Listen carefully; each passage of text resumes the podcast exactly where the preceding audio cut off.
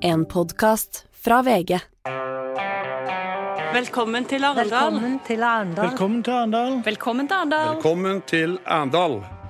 Ikke visste jeg at alle disse dagene som kom og gikk, det var selve Arendalsuka 2023. En eh, spesiell uke for oss her i Gjevrøy-gjengen. Ikke bare fordi vi delvis forflytter oss til Arendal, men også fordi vi har vært åpne og tilgjengelige på alle plattformer. Vi har pusta fritt eh, i en hel uke her, eh, Hanne. Å, det er så deilig, Anders. Det er det. det er det. Fred, frihet og alt gratis, det er eh, det, er det beste Ja. vi vet. Men det er, ikke så, det er jo noen bakdeler ved det å være fred, frihet. Alt er jo ikke gratis, vet du, Anders. Det er ikke det, vet du. Det er som Milton Friedman sa, there's no such thing as a free lunch. Men, men Så vi har hatt en baktanke. Det er det gamle heroin-pusher-trikset med å gi folk gratis øh, vareprøver en stund.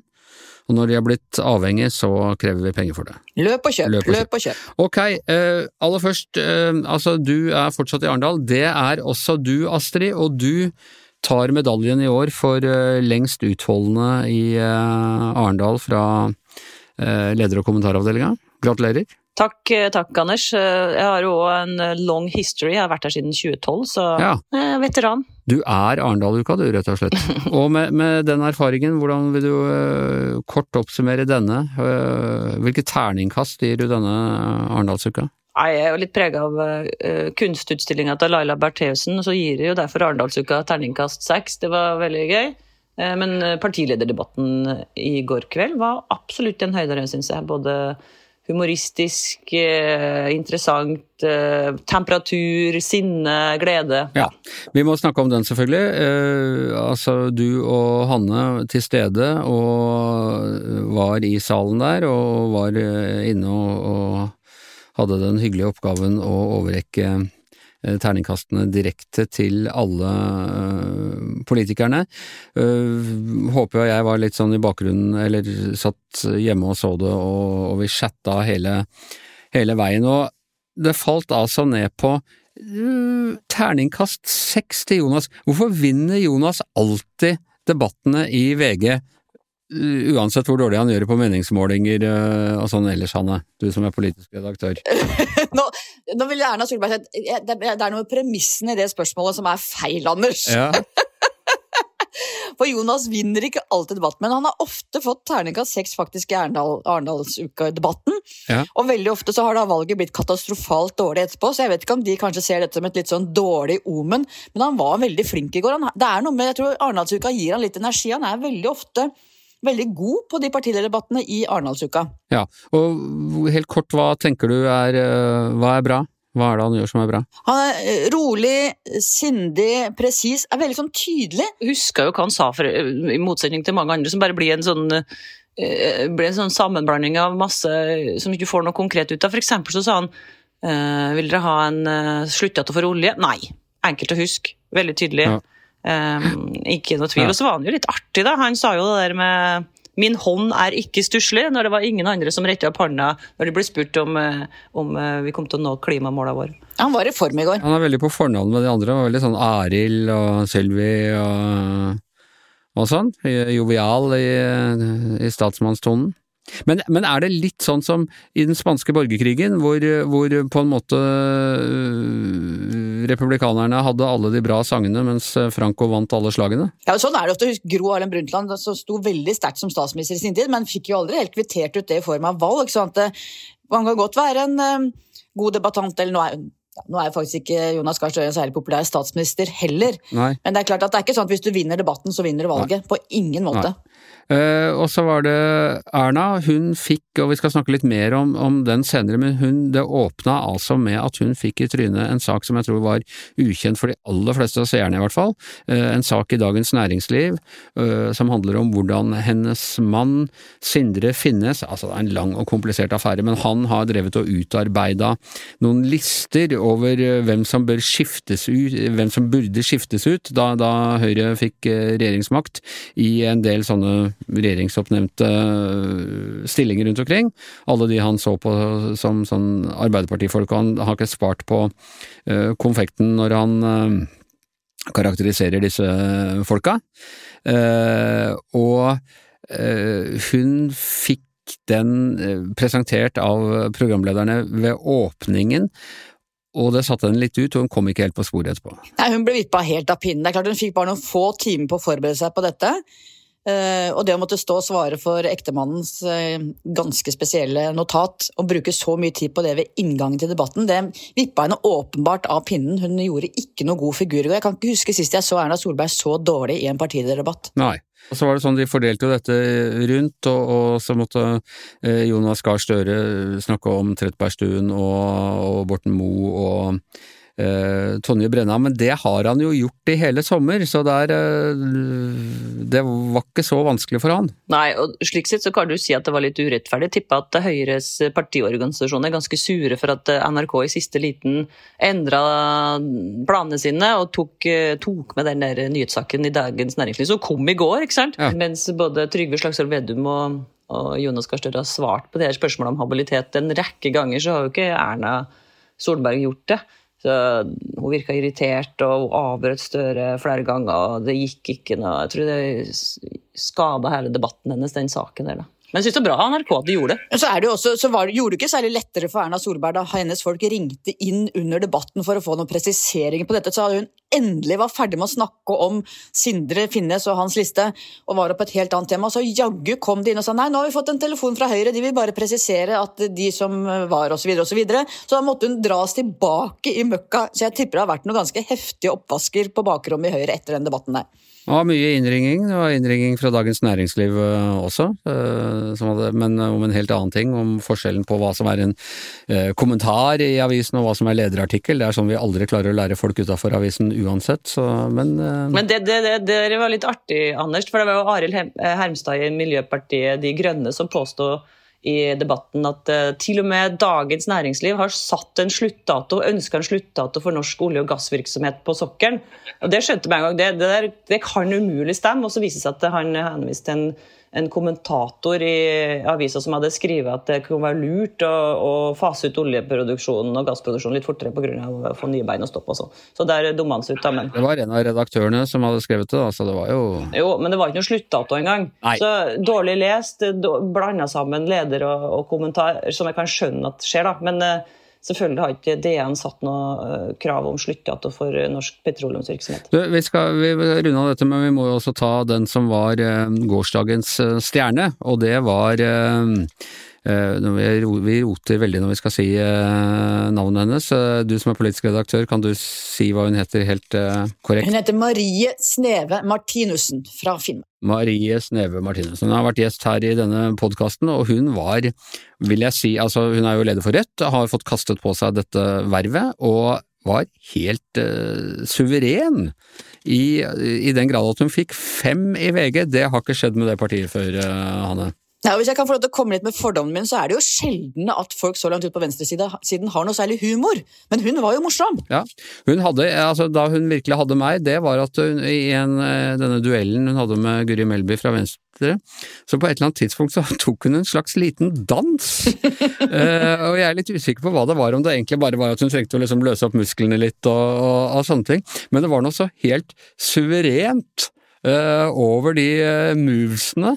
Og så er hun, eh, så er hun altså eh, Det gamle venstresideaspektet ved å eh, og liksom at du er så moral, du ser deg selv som så moralsk overlegen, som jeg syns ofte kommer igjen, og alle disse her, uh, når Mimmi Kristiansson og disse her holder på med hvor onde man er på høyresiden, og man skjønner ikke hvordan vanlige mennesker har det, og sånne ting, så er det en sånn veldig sånn uh, moralsk pompøsitet i det, men hun, hun er liksom fri for det, hun er, kan stoffet godt, og var liksom veldig, mm, som dere skrev, nifst presis til å klare å over, utnytte taletiden sin. Og du, Anders, det er jo ganske godt uh, gjort. da. Eh, Et uh, lite parti får så masse taletid. Debuten som, eh, i partilederdebatten, som oftest så sliter de småpartiene med å få komme gjennom i det hele tatt. Og hvis de prøver, så blir de altfor irriterende, for de driver og avbryter. Men hun, hun klarte med humor og ja, litt sånn letthet. Det var, også selvfølgelig den vanlige venstre populistiske argumentasjonsrekka, som hun fikk liksom gått fram da, med, uten sånn moralsk patos, som du sa. Og de må være ganske deppa SV i dag, for det er klart du har to eh, partiledere fra Finnmark som er på venstresida, SV og Rødt. Og Sneve Martinussen satte jo Kjersti Bergstø helt i skyggen. Hun klarte jo aldri å komme fram i det hele tatt. Og det må være ganske surt for SV, som har vært på en måte, ikke bare på en måte som har vært storebror på venstresida. Rødt har jo vært omtrent bitte, bitte små i alle de år fram til ganske nylig. Og så er det altså Sneve Martinussen som tar hele glansen på den første partilederdebatten, mens Bergstø blir stående i skyggen. Vi ga hun Kjersti Bergstø tre, da. Og altså Mart Martinussen fem. Ja. Så knockout. Knockout. Yes, eh, dere kan også ligge selvfølgelig ute på VG, eh, hele, hele både nachspielet og opptaket med dere som konfronterer de forskjellige politikerne, og alle terningkastene som Det kan alle bare gå inn og lese. Men vi må altså snakke om denne saken som da eh, Erna Solberg, og for så vidt hele det norske folk, eller i hvert fall alle oss som følger med på politikk, fikk eh, kasta i trynet ved åpningen i går.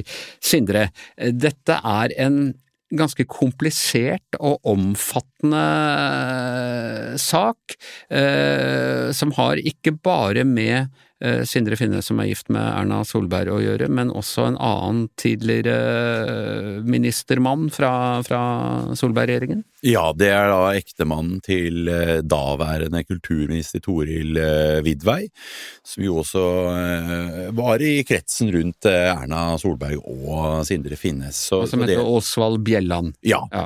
Og det DN har avslørt, er jo da hvordan eh, disse to ektefellene har engasjert seg i eh, hvordan styrer som staten da har innflytelse på, gjennom deleierskap osv., hvordan disse styrene er eh, satt sammen av ulike folk. Og eh, som DN skriver, noen har mailet eh, sammen, og så, så viser de da til e-poster hvor, eh, hvor det er eh, fra disse ektefellene, hvor det er stort engasjement i eh, hvem som burde være i disse styrene, og kanskje først og fremst hvem som bør ut. Og da vises det jo ofte til at de har politiske bindinger til Arbeiderpartiet eller Senterpartiet. Så du, du får jo det, nå en sånn påminnelse om det som var med habilitetssakene rundt denne regjeringen, og de statsrådsavgangene vi har hatt, og de problemene Tonje Brenna, som fortsatt sitter i regjeringen, har hatt. Og så får du også her da en følelse av at eh, det handler litt om eh, at noen snakker sammen, eh, og, og, og eh, har også møter, felles møtepunkter, felles interesser. Så det, det skaper jo et inntrykk av at Norge er en liten andedam. Eh, hvor eh, Men man folk kanskje snakker litt- sammen i regjeringen er jo ikke så rart. Eller altså Nei, men dette er jo ektefeller, ikke sant? Og Sindre Finnes har ikke noe formell rolle her.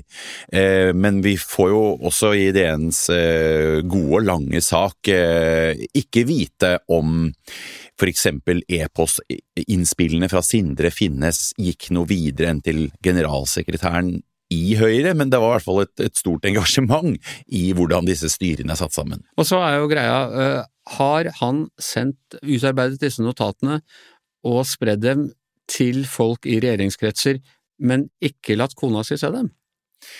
Ja, Erna Solberg sier vel at hun ikke kan huske å ha sett noe til dette her, eh, og eh, de har da i hvert fall gått til generalsekretæren osv., så videre, men eh, hvor de har endt opp og hva slags rolle de har hatt eh, reelt sett, det er jo liksom verre å, å sette fingeren på enn så lenge i hvert fall. Og eh, Osvald Bjelland, eh, gift med Vidvei, han er noe mer enn bare en, eh, en spaus, eh, må vi kunne si. Det er en, eh, en mektig player i, i norsk næringsliv. Absolutt en veldig mektig player med et enormt kontaktnett, en masse mennesker involvert i hans krets, og det er ikke, det er ikke bare en ektefelle, langt ifra. Nei, eh, han driver noe konsulentselskap som er å, å omsette for masse penger og kontorer eh, rundt omkring i, i eh, verden. Ja. Og har hatt eh, problemer, i, eller eh, det er i hvert fall eh, også tilbake til Dagens Næringsliv, som avslørte tidligere i sommer at det er en rekke beskyldninger mot ham om seksuell trakassering i dette selskapet. Det er det, så dette er jo en, en del av den enorme mengden materie DN allerede har sett på og avslørt rundt Bjelland. Ja, så mm, Dagens Næringsliv er mildest talt ledende i denne saken. Men Hanne, hvor, hvor problematisk er denne saken for eh, Erna Solberg? Det er vanskelig å si konkret, men det er klart den går inn i dette bildet som har skapt seg veldig gjennom sommeren med eh, inhabilitetssakene til Arbeiderpartiet. Hele debatten om eh, habilitet, om skal man utnevne egne venner. At det må Vi har et sterkt statlig eierskap i Norge. Og da er vi helt avhengig av at de som utnevnes til styrer, til ulike verv, gjør det på grunnlag av hva de kan, kompetanse. Og når det både, når liksom bildet av at Arbeiderpartiet har utnevnt sine folk, fylles ut av at Høyre har også holdt på med ektefeller som holder på med notater og kartlegginger, så er det jo ikke bra. Om det er noe formelt feil, er et åpent spørsmål, men politisk er dette, ser dette veldig stygt ut. Er det snur det eh, narrativet, ordet jeg hater og som jeg bruker hele tida, eh, for Høyre nå liksom i i innspurten, er det i ferd med å snu litt? Ser de faller litt på meningsmålingene, så kommer denne saken her. eh, En tydelig ukomfortabel eh, Erna Solberg eh, på partilederdebatten i går. Er det denne strategien med å bare sitte helt rolig og sånne ting ser ikke helt ut til å funke når, når when push comes to show, som vi sier i Follo? Jeg tenkte jo på det i dag morges, er dette vendepunktet for Høyre, eller er det bare en liten dupp ned? For det er klart at de kan ha funnet formen altfor tidlig, det skjer jo. Så hvis på en måte denne partidebatten, dårlig prestasjon, den saken i DN gjør at man mister litt av farta, så kan det jo være vendepunktet for Høyre. Hva tror du om det, Sindre? Jeg tenker det er litt tidlig å si, jeg skjønner jo eh, veldig godt at eh, dette preget eh, Erna Solberg under partilederdebatten i går, for det er noe med at du skal virkelig preppe deg selv i timene før en debatt da, og da tok jo dette veldig mye av oppmerksomheten fra at hun kunne da være enda mer forberedt på andre temaer. Men som vi hørte Støre i går, hvor han da hadde fått ganske gode vendinger og svar rundt habilitetsproblemene i regjeringen, så kan det jo godt være at Erna Solberg også finner bedre svar til senere i valgkampen. Det, det er jeg spent på. Hvis denne saken fortsetter å plage henne? Ja. Jeg tenker på det der du, du spør om i stad. Om det får noen konsekvenser for Erna Solberg. Jeg synes det mest interessante med saken eh, er hvordan sentrale Høyre-medlemmer karakteriserer sosialdemokrater. Det er på en måte diskvalifiserende å være medlem av Arbeiderpartiet. Flinke folk som har høy utdanning, som har sittet i de forskjellige styrene, skal ut. Og hovedgrunnen ser ut til å være at de enten er i nettverket til Stoltenberg, eller at de er sosialdemokrater. Og Det selvfølgelig ikke bra hvis eh, slike kriterier blir lagt til grunn i, i Høyre, at flinke folk ikke får lov til å være med i styret for at de er med i Arbeiderpartiet. Så jeg er ikke helt sikker på om Jeg, må, jeg, jeg bare ser for meg at det kan bli vanskelig hvis det ikke kommer noe mer info og liksom knytte her direkte til Erna Solberg at det har vært noe inhabilitet. For så langt så er det bare en liste. Og så tror jeg nok at Høyre kommer til å gjøre det godt på det kommunevalget. Det tror jeg. Hun har jo måttet ut og, og ta en for eh, ekteskapslaget sitt før når det gjelder eh, Sindre Finnes. Det, jeg tenkte i går på The Crown, dronning Elisabeth, som jo hadde en mann som gjorde litt forskjellige ting, hvor hun sa, forklarte meg at jo, av og til må han bare få lov til, videre. Jeg fikk litt den følelsen jeg hørte Erna i går. Ja.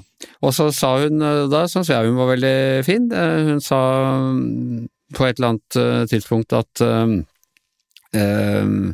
eh, eh, Sindre, jeg er forferdelig glad i han, men han er et selvstendig menneske og i det hele tatt, og det var noe sånn veldig uh, forsonende over det, Ja, syns jeg. enig. Du, uh, Sindre, så du debatten i går? Du var jo ikke med på terningkastene? Nei, jeg kom meg hjem fra Arendal i går, men jeg fikk med meg debatten Ja.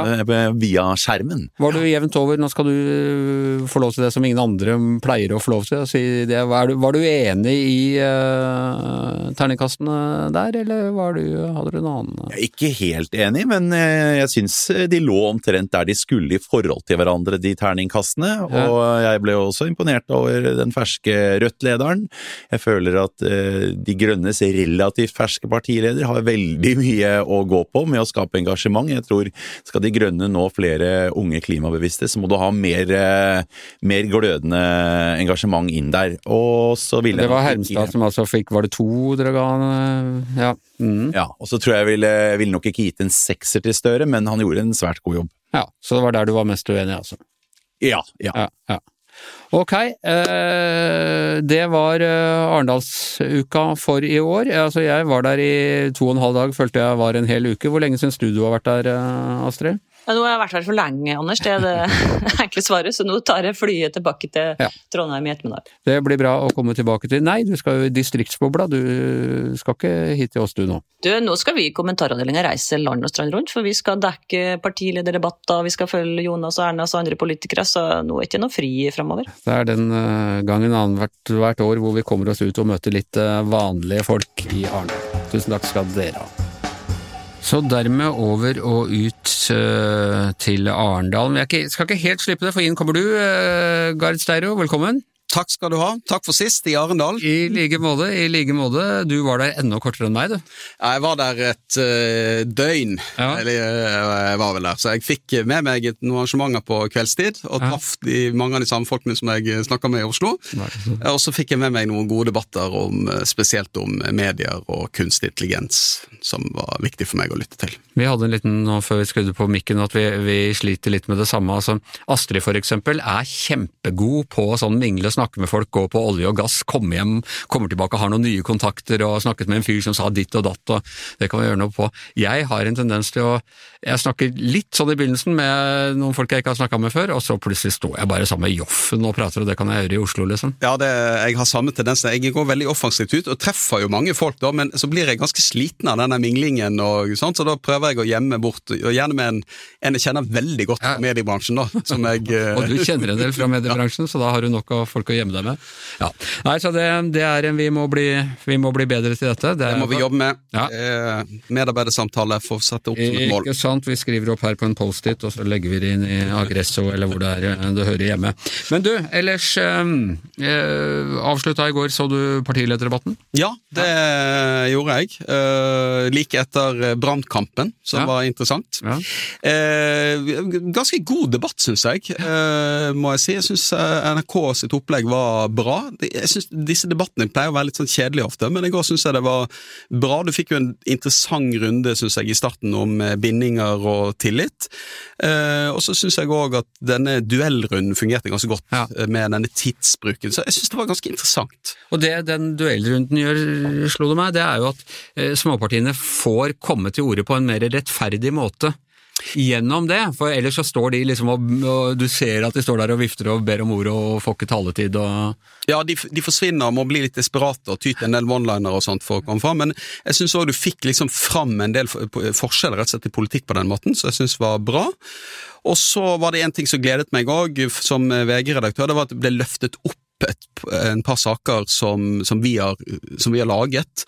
Og Da syns jeg politisk journalistikk fungerer ganske godt, når man klarer å vise konsekvensen av politikk, eller hvordan samfunnet er, da, og at politikerne blir konfrontert med det. Og Det var jo spesielt denne saken vi hadde om denne eh, pensjonisten som het Ronny Kåstad, som mm. lå liksom og hadde det veldig vanskelig på sykehjem og mange pleiere og mange personer som var innom han, og den saken ble løftet opp. og det, Da fungerer journalistikken, sant? Når, eh, når politikerne, de ansvarlige politikerne blir konfrontert med hvordan virkeligheten er. Ja, og det er en sterk sak. Jeg anbefaler folk å gå inn og, og lese den. Absolutt. Uh, ellers så har jo, altså det var NRK som uh, hadde nå, vi hadde jo vår egen uh, parti, minipartilederdebatt forrige uke, og VGTV har vært operative under hele Og for å drive litt selvskryt av, av kolleger, så må jeg si at VGTV er nå en utrolig operativ eh, og profesjonell eh, lite kringkastingsselskap, altså. Ja, det har vært en VGTV fra der det startet. Da. De satt jo i en krok i dette huset og lagde sånne Ekorn på vannski-videoer i starten. Det er ja. de histori sånn historien fortelles. eller myten. Farlige tusenbein og sånne ting. Sånne ting. I dag er det blitt en viktig del av VG sin journalistikk. Mm. Og det er klart at for norsk Det er jo viktig for VG, selvfølgelig, men jeg syns òg det er veldig bra for den politiske debatten i Norge at det flere enn NRK som lager uh, politisk journalistikk og politiske debatter. Det er ganske viktig. Og i VGTV så hadde vi jo sendinger fra Arendal uh, daglig. Jeg var og så på en av de, og uh, jeg blir jo imponert og stolt når jeg ser dette. fordi at det er, det er, det er veldig bra, tenker jeg, for, for, for et mediehus å ha den type dekning, men jeg syns også det beriker debatten. Da, den, at det er flere og det er andre spørsmål, litt annen tone i VGTVs debatter ofte enn de som sendes av eh, Kongelig norsk eh, rikskringkaster.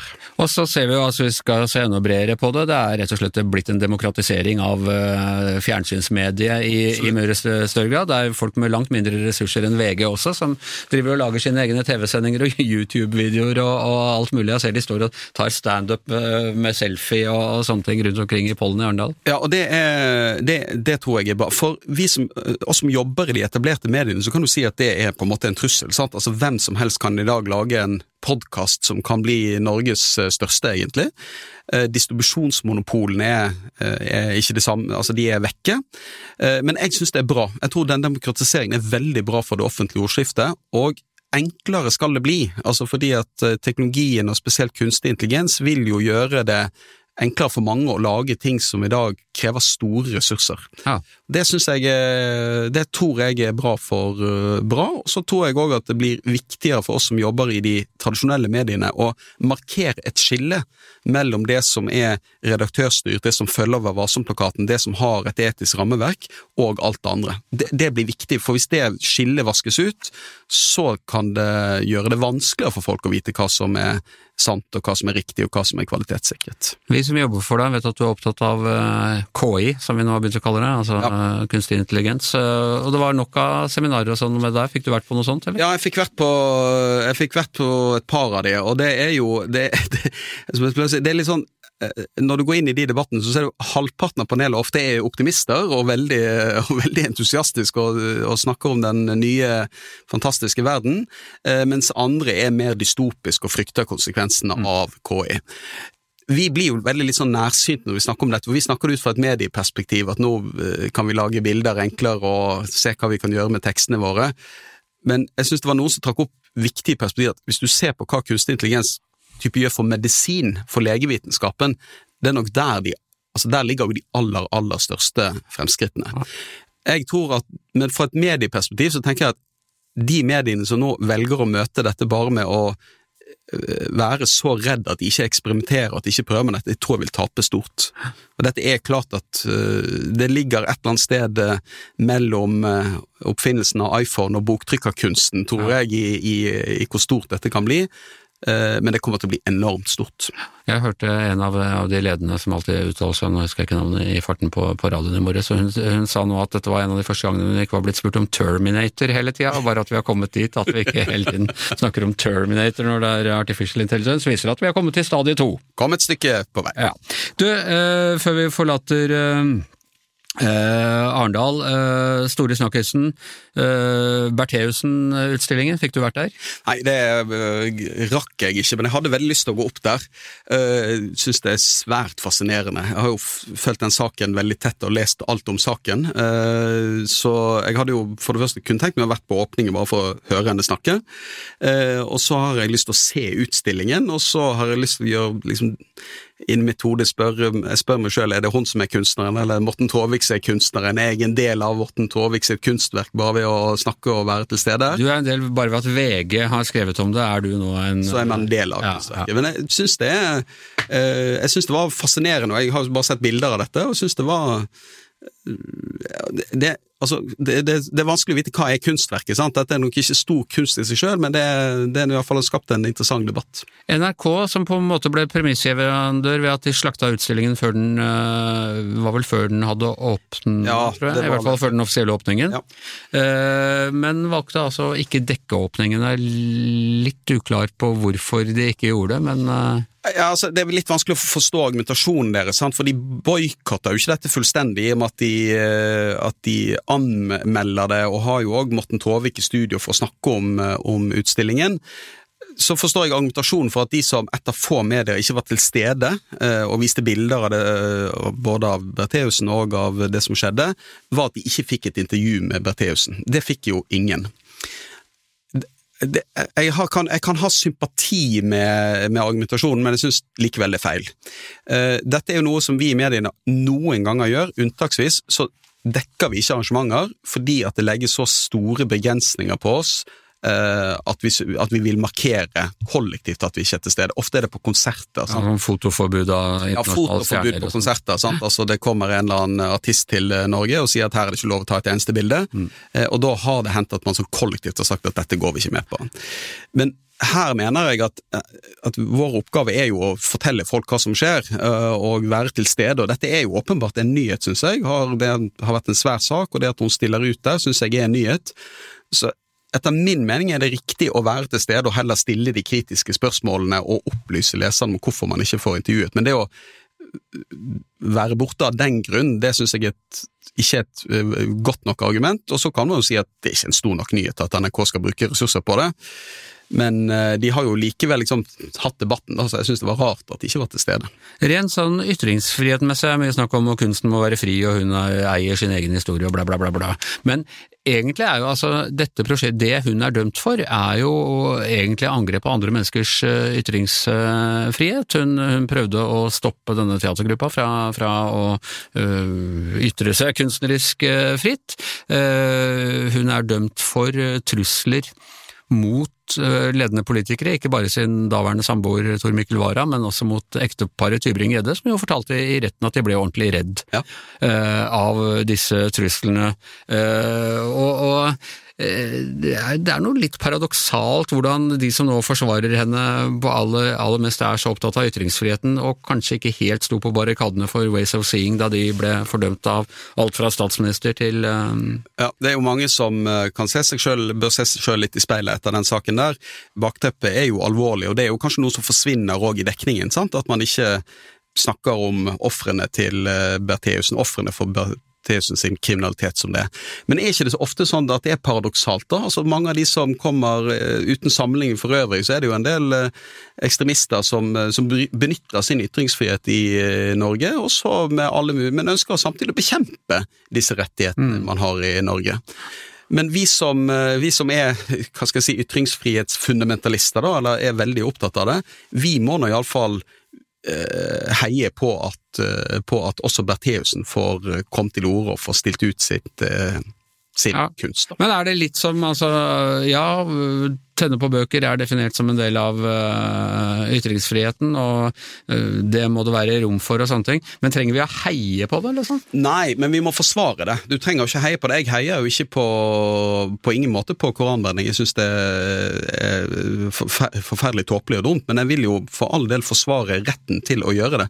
Og det er jo det dette handler om. Jeg heier ikke på Laila Bertheussen, men, men jeg vil jo forsvare retten hennes til å stille ut og gi uttrykk for sitt syn da, gjennom det hun oppfatter som sin kunst. Så skaper det jo faktisk en litt interessant kunstdebatt, hvor øh, vanlige folk uten kunstteoretisk øh, utdannelse eller forståelse øh, får anskueliggjort en del av paradoksene. Ja, og så er jo jeg, eh, må jeg si at jeg er fascinert av Morten Tråvik, som nok en gang klarer å skape en debatt, og der du er litt uklar for hva er, som jeg sier, hva er kunstverk, og hvor går grensene. Ja.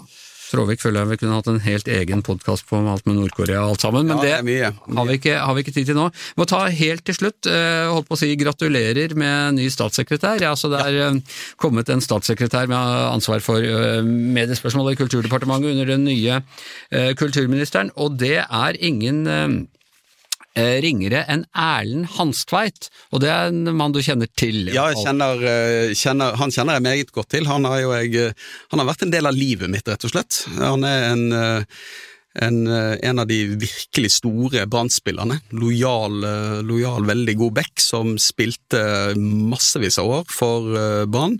Og var regnet som en eh, sånn, ja, trof, trofast spiller og en veldig god spiller. Og så har jo markert seg òg etterpå med å gå ut og være opptatt av å jobbe for eh, spillernes rettigheter. og er jo en eh, han, Jeg tror blant Brann-supportere så vil han beskrive han som eh, hel ved. Ja, og selvfølgelig, du er inhabil til alt som kommer, kommer til brann å gjøre, men du snakket om her, da det var kulturministerskifte tidligere, viktigheten av at idretten ble tydeligere i regjeringens kulturpolitikk. Ja, og det tror jeg man har forstått i man faktisk man har forstått i Arbeiderpartiet. Altså, Arbeiderbevegelsen og idrettsbevegelsen er jo koblet sammen på mange måter.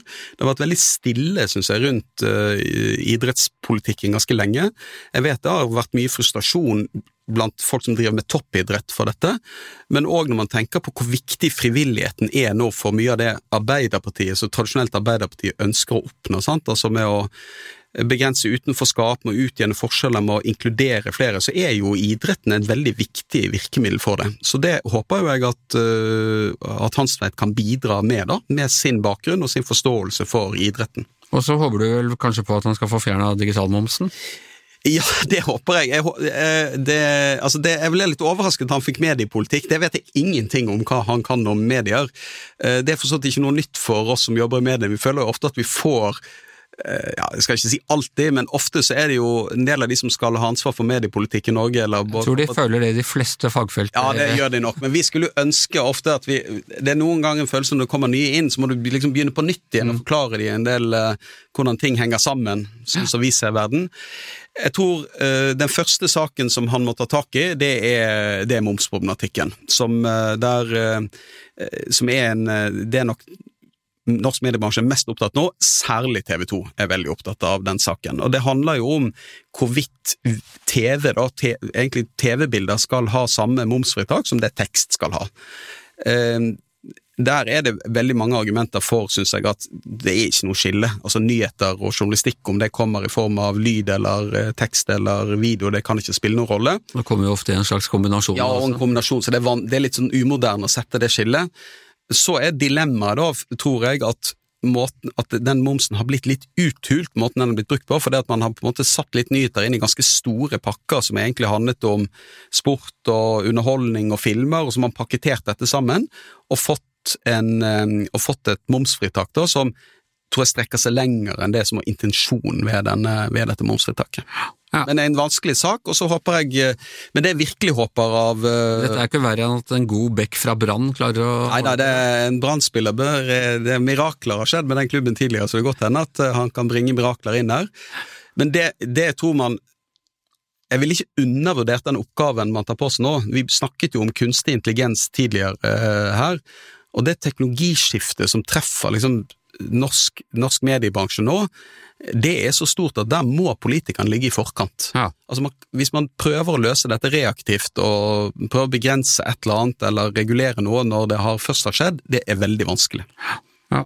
Nei, det er store, store utfordringer og store forandringer, og uh, som du sa, hva var det du sa, mellom boktrykkerkunsten og internett? Ja, et eller- annet, mellom, et, et eller annet sted mellom Gutenberg og Jobs ligger det. Ja, jeg begynte jo i denne bransjen under Gutenberg, mer eller mindre. Skrev alle mine første artikler på skrivemaskin og sånn, så, så jeg kan relatere meg til det. Eh, med det så tror jeg vi er eh, ferdig eh, for denne uka. Eh, vi har vært, eh, jeg vet ikke om du har visst det en gang, men vi har vært gratis hele uka. Jeg vet det, jeg har fått Ja. med meg det. Ja. Hvordan har det gått? Ja, ja, vi vet det. ser vi, de tallene, Magne, ser vi neste uke. Ja. Ja. Så, Demokratiets tjeneste, det er ja, viktig. ja. Eh, Men vi har hatt en veldig, når jeg først sitter og skryter av oss sjøl, vi har hatt en veldig god sommer på, på lyttertall og sånn. Så Det har jeg fått med meg og sett. det er veldig bra at du har. Bare minner om det en gang til. Ok, og med det så er Giæver og gjengen over for i dag. Tusen takk til Sindre Heierdal, Astrid Mæland, Hanne Skartveit, Gard Steiro, jeg heter Anders Giæver. Og mannen som faktisk muligens var akkurat like lenge i eh, Arendal som eh, Astrid Mæland. Magne, du kom en dag før og dro en dag tidligere. Vi får, vi får ta målfoto her eh, etterpå. Det er vår produsent Magne Antonsen.